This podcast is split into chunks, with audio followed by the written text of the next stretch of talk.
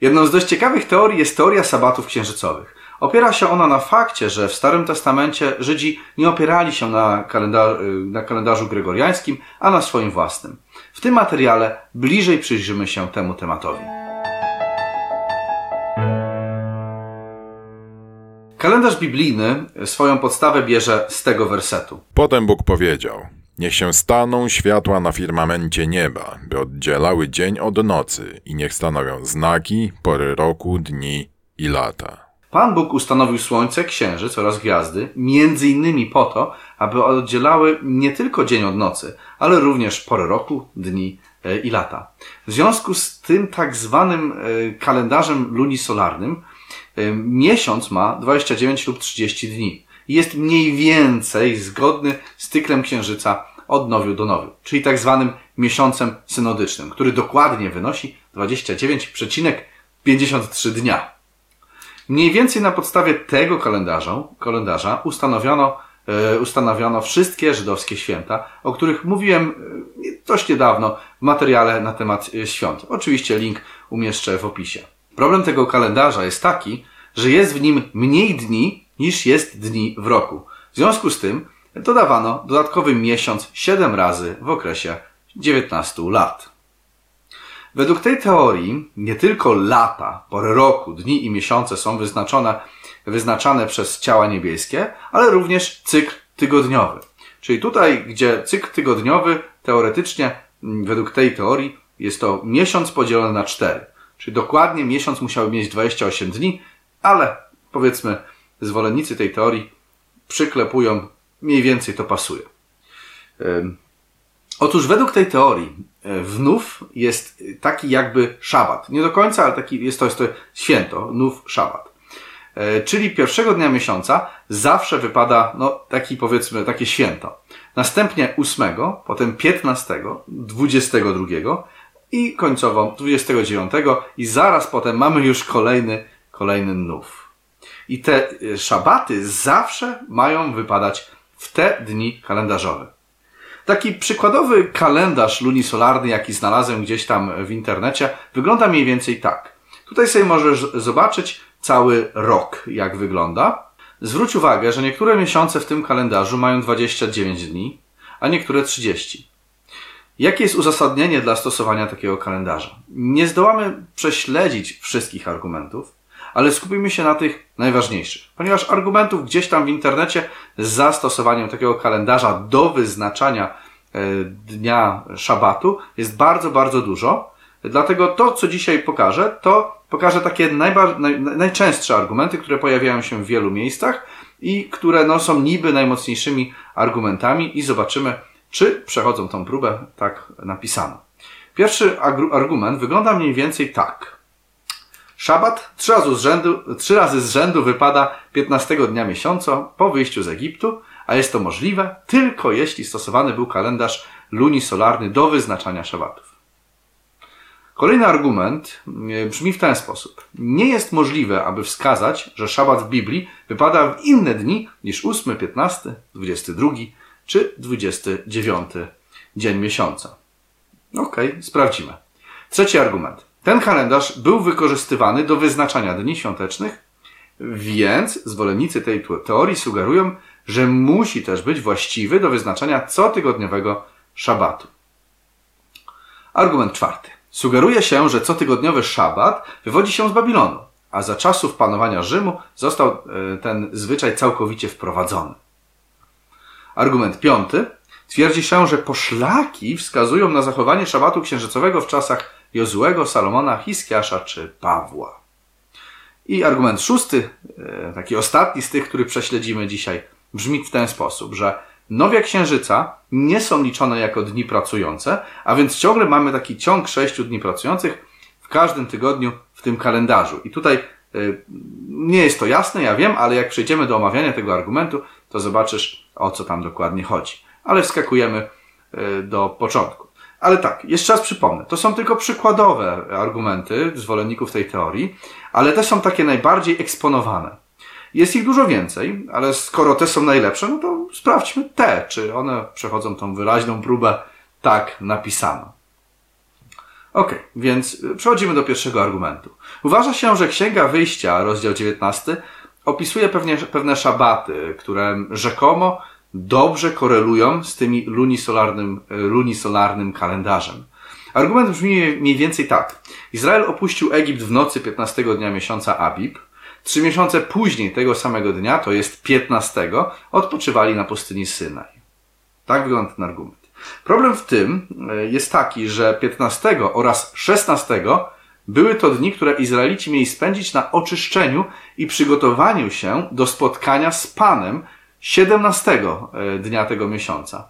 I 17 właśnie dopiero Pan Bóg do nich przemówił. Czyli jeśli jakaś data miałaby być wybrana spośród tych trzech na szabat, no to myślę, że bardziej pasuje 17. Więc ten argument jest bardzo, bardzo słaby. I zobacz jeszcze ten werset. Pan zaś mówił do Mojżesza.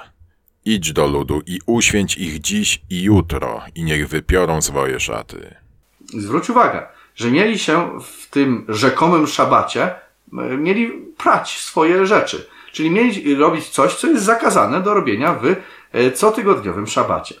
Ten więc argument jest wręcz kontrargumentem. Mimo to jego zwolennicy go używają. Drugi jest bardzo ciekawy i nieco intrygujący. Otóż niby w Biblii nie ma wzmianki o szabatach występujących w innych dniach niż te zgodne z kalendarzem lunisolarnym. Problem polega na tym, z tym argumentem, że są tylko dwie historie w Biblii, które można do, dopasować do kalendarza lunisolarnego. Jest to historia, gdy pierwszy raz została dana manna oraz śmierci zmartwychwstanie Jezusa. Także ponownie, jest to bardzo słaby argument za sabatami księżycowymi. Bo widzisz, jak, jaki jest zrobiony, yy, zrobiony myk. Yy, jest rzekomo, że nigdzie nie można dojść do tego, yy, że w inne dni wypadał szabat, a tu raptem mamy tylko dwie historie, które nam opisują, kiedy on wypadał w kwestii nowiu. Odnośnie trzeciego argumentu, to oczywiście jest to prawda, że ten kalendarz był wykorzystywany do obliczania corocznych świąt. To się zgadza. Tych, tych świąt ceremonialnych. Jednak uważanie, że należy e, też nienaturalnie podzielić cotygodniowy cykl, e, e, jest sporym nagięciem. Bo jaki tutaj jest problem? No, pierwsza jest rzecz, że no, 7 razy 4 no, nie wychodzi jak nic 29. No, nie ma takiej możliwości. Już na pewno nie 30. W związku z tym trzeba byłoby tutaj mm, to jest też taki argument, że to się wywodzi właśnie z tego wersetu o tym, że są te pory, że, że ten księżyc jest po to, żeby wyznaczać nam pory, e, że, że dni, lata i, i, i tak dalej.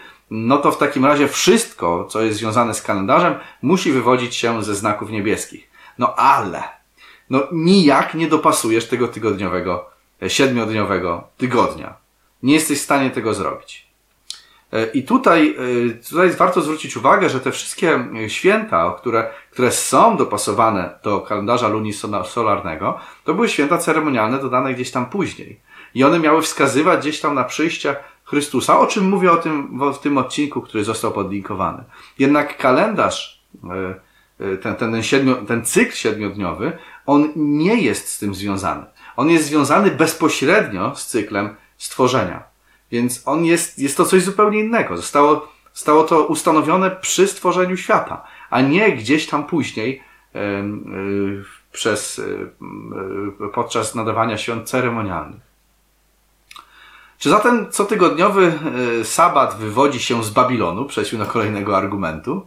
Źródła history historyczne tak nie podają. Zresztą, Żydzi byli już rozproszeni wcześniej przez Asyryjczyków, więc skoro to w Babilonie niby zaczęto obchodzić cotygodniowy szabat, to dlaczego w historii nie mamy żadnych konfliktów co do tej fundamentalnej zmiany, no przynajmniej nie za dużo, e, fundamentalnej zmiany między tymi rozproszonymi e, po, przy niewoli asyryjskiej? Zwróć uwagę, co jest na przykład napisane w dziejach apostolskich w tym wersecie. Mojżesz bowiem od dawien dawna ma w każdym mieście takich, którzy go głoszą, gdyż w synagogach co szabat czytają go. Zauważ, Żydzi byli rozproszeni po całym ówczesnym świecie i wszędzie, w każdy szabat, czytano księgi mojżeszowe. Tak fundamentalna zmiana w, w całym żydostwie, na całym ówcześnie, ówczesnym e, cywilizowanym świecie, na pewno nie przeszłaby bez echa. Argument piąty, przechodzimy dalej, jest czysto poszlakowy. Nie ma żadnych twardych dowodów na zachowywanie lunisolarnego szabatu przez Jozuego, Hiskiasza czy innych. Jeśli ktoś y, przez jakieś domysły dochodzi do wniosku, że zachowywali oni lunisolarny szabat, to są to tylko domysły. Nie mamy na to twardych żadnych dowodów. Jakieś poszlaki, coś gdzieś może było. Bardzo wątły argument. Argument szósty jest zbudowany na bazie jednego wersetu. I oto ten werset. I to, to był ten argument, co taki nie do końca był jasny. Prze, prze, przeczytajmy ten werset. Tak mówi Pan Bóg. Brama dziedzińca wewnętrznego, która jest zwrócona ku wschodowi, będzie zamknięta przez sześć dni roboczych, ale w dniu szabatu będzie otwarta, także i w dniu nowiu będzie otwarta.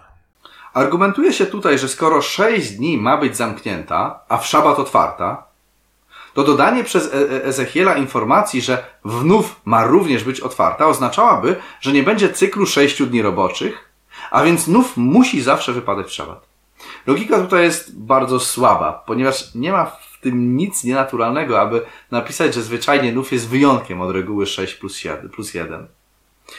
Y, to są te jakby najlepsze argumenty. Wszystkie inne, jakie mają zwolennicy tej teorii, wyglądają bardzo podobnie. Są one po prostu bardzo słabe.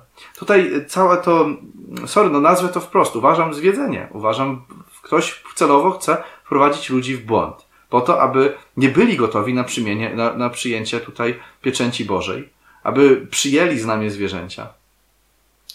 I one, tutaj te, to całe zwiedzenie opiera się na tym, aby zasypać słuchacza, zasypać tego, który ogląda ten jakiś tam materiał, tysiącem bardzo słabych argumentów. I wrażenie, jakie się robi po obejrzeniu takich materiałów, jest jeny. No skoro jest aż tak dużo argumentów, to, to co, co z tego, że one są słabe, ale przecież jest ich tak dużo, więc pewnie to jest prawda. No jakie zatem argumenty przemawiają przeciwko tej teorii?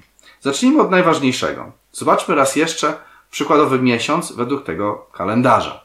Jaki jest z tym problem? Otóż zauważ, że w wielu miesiącach jest dodany dzień 30. Jest to dzień tak zwany przejściowy. Musi on być dodany, ponieważ inaczej cykl miesięczny e, się nam nie zgadza. Nie zgadza. Problem w tym, że nigdzie w Biblii nie czytamy nic na temat tego przejściowego dnia. Pismo zwyczajnie milczy w tej kwestii, a jednak zwolennicy tej teorii ciągle twierdzą, że oni to są e, właśnie ci biblijni. Oni musieli go dodać, bo inaczej kompletnie nic się wtedy im nie zgadza.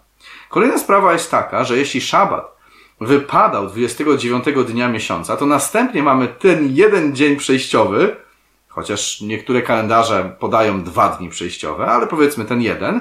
I potem od razu jest nów, czyli który jest jakby takim no, mini szabatem. No ale jak to pogodzić z wyraźnym tak mówi Pan? A zobaczmy, jak mówi Pan. Przestrzegaj dnia szabatu, abyś go święcił, tak jak ci nakazał Pan, twój Bóg. Przez sześć dni będziesz pracował i wykonywał wszelką swoją pracę. Lecz siódmy dzień jest szabatem Pana twego Boga nie będziesz wykonywał żadnej pracy. Tak, nawet jeżeli przyjmiemy, że ten nów to nie jest, nie jest, nie jest szabatem, tylko jest po prostu nowiem, to wtedy nie mamy cyklu 6 plus 1, a 8 czy 7 plus 1, zależnie od tego, czy mamy ten dzień przejściowy, czy nie w danym miesiącu. Jeśli przyjmiemy tę teorię, to nie będziemy mogli 6 dni pracować, a następnie odpocząć dnia siódmego, ponieważ przy przejściu między kolejnymi miesiącami musiałbyś właśnie złamać tę prostą, wyraźną regułę. Swoją drogą, skoro zachowywanie, y, skoro zachowywanie tego lunarnego szabatu jest tak skomplikowane, a nie zachowywanie szabatu było karane śmiercią w Starym Testamencie, to dlaczego nie jest to jasno nigdzie wyłożone? A należy się wszystkiego domyślać i dochodzić po poszlakach. Skoro tutaj wyraźnie Pan Bóg y, w przykazaniu powiedział sześć dni pracuj, a dnia siódmego w sobotę odpocznij, dlaczego nie dodał zaraz, że tutaj powiedzmy, że cytuję, no ale jak jest dzień przejściowy, to zaraz potem jest nów i to będzie jeden dzień pracy, a potem nów, a nie sześć. No chyba, że dnia przejściowego w tym miesiącu akurat nie ma, ale to, czy jest to, czy go nie ma, to też wam nie powiem, domyślcie się, e, tylko dobrze się domyślnie, bo jak nie, to kara śmierci. Tak Pan Bóg nie powiedział. Dlaczego? No cóż, tak brzmi przykazanie, bo jest ono jasne i oczywiste. Sześć dni pracuj, a siódmego odpocznij.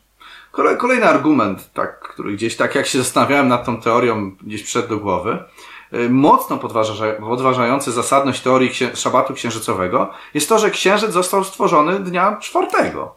I Bóg uczynił dwa wielkie światła. Światło większe, aby rządziło dniem, i światło mniejsze, aby rządziło nocą oraz gwiazdy. I nastał wieczór i poranek, dzień czwarty. Natomiast szabat nie wypadał sześć dni po stworzeniu księżyca, a trzy dni. W siódmym dniu Bóg ukończył swe dzieło, które uczynił, i odpoczął siódmego dnia od wszelkiego swego dzieła, które stworzył. I Bóg błogosławił siódmy dzień i poświęcił go, bo w nim odpoczął od wszelkiego swego dzieła, które Bóg stworzył i uczynił. Także nijak to nie pasuje do y, sabatu lunarnego. Idźmy dalej. Gdy Pan Bóg uczył Izraelitów na temat corocznych świąt ceremonialnych, tak powiedział. I odliczycie sobie od pierwszego dnia po szabacie, od dnia, w którym przynieśliście snop kołysania, siedem pełnych tygodni. Aż do pierwszego dnia po siódmym szabacie odliczycie pięćdziesiąt dni i wtedy złożycie Panu nową ofiarę pokarmową. Jest to fragment dotyczący pięćdziesiątnicy. Ale zwróć uwagę, co tutaj jest napisane. Otóż Izraelici mieli sobie odliczyć ilość dni, mieli sobie to obliczyć ilość dni e, od pierwszego dnia po szabacie, aż do pierwszego dnia po siódmym szabacie. I to ma dać im razem 50 dni. Ok? Otóż 7 razy 7 daje 49, plus y, ten jeden musimy dodać, ponieważ to jest ten pierwszy dzień, który się wlicza. I razem to nam daje 50. Prosta matematyka i Ban Bóg ją nam podaje. 50 dni. Jednak jeśli byśmy stosowali kalendarz lunisolarny, to 7 szabatów byłoby dopiero w momencie, gdy minęłoby 52 dni. Czyli 7 szabatów skończyłoby się, plus ten jeden, dopiero w 52 dniach. Jak widzimy, nie da się tego pogodzić z tą teorią. Dlatego ja po jej przeanalizowaniu, a naprawdę dałem mi szansę, muszę odrzucić teorię lunarnego szabatu. Nie przechodzi ona próby, tak mówi Pan. I na dzisiaj to tyle. Zostaw łapkę w górę, subskrybuj, śledź nas na Odyssey, czyli Library, BitShoot, Telegramie i Facebooku. Cześć!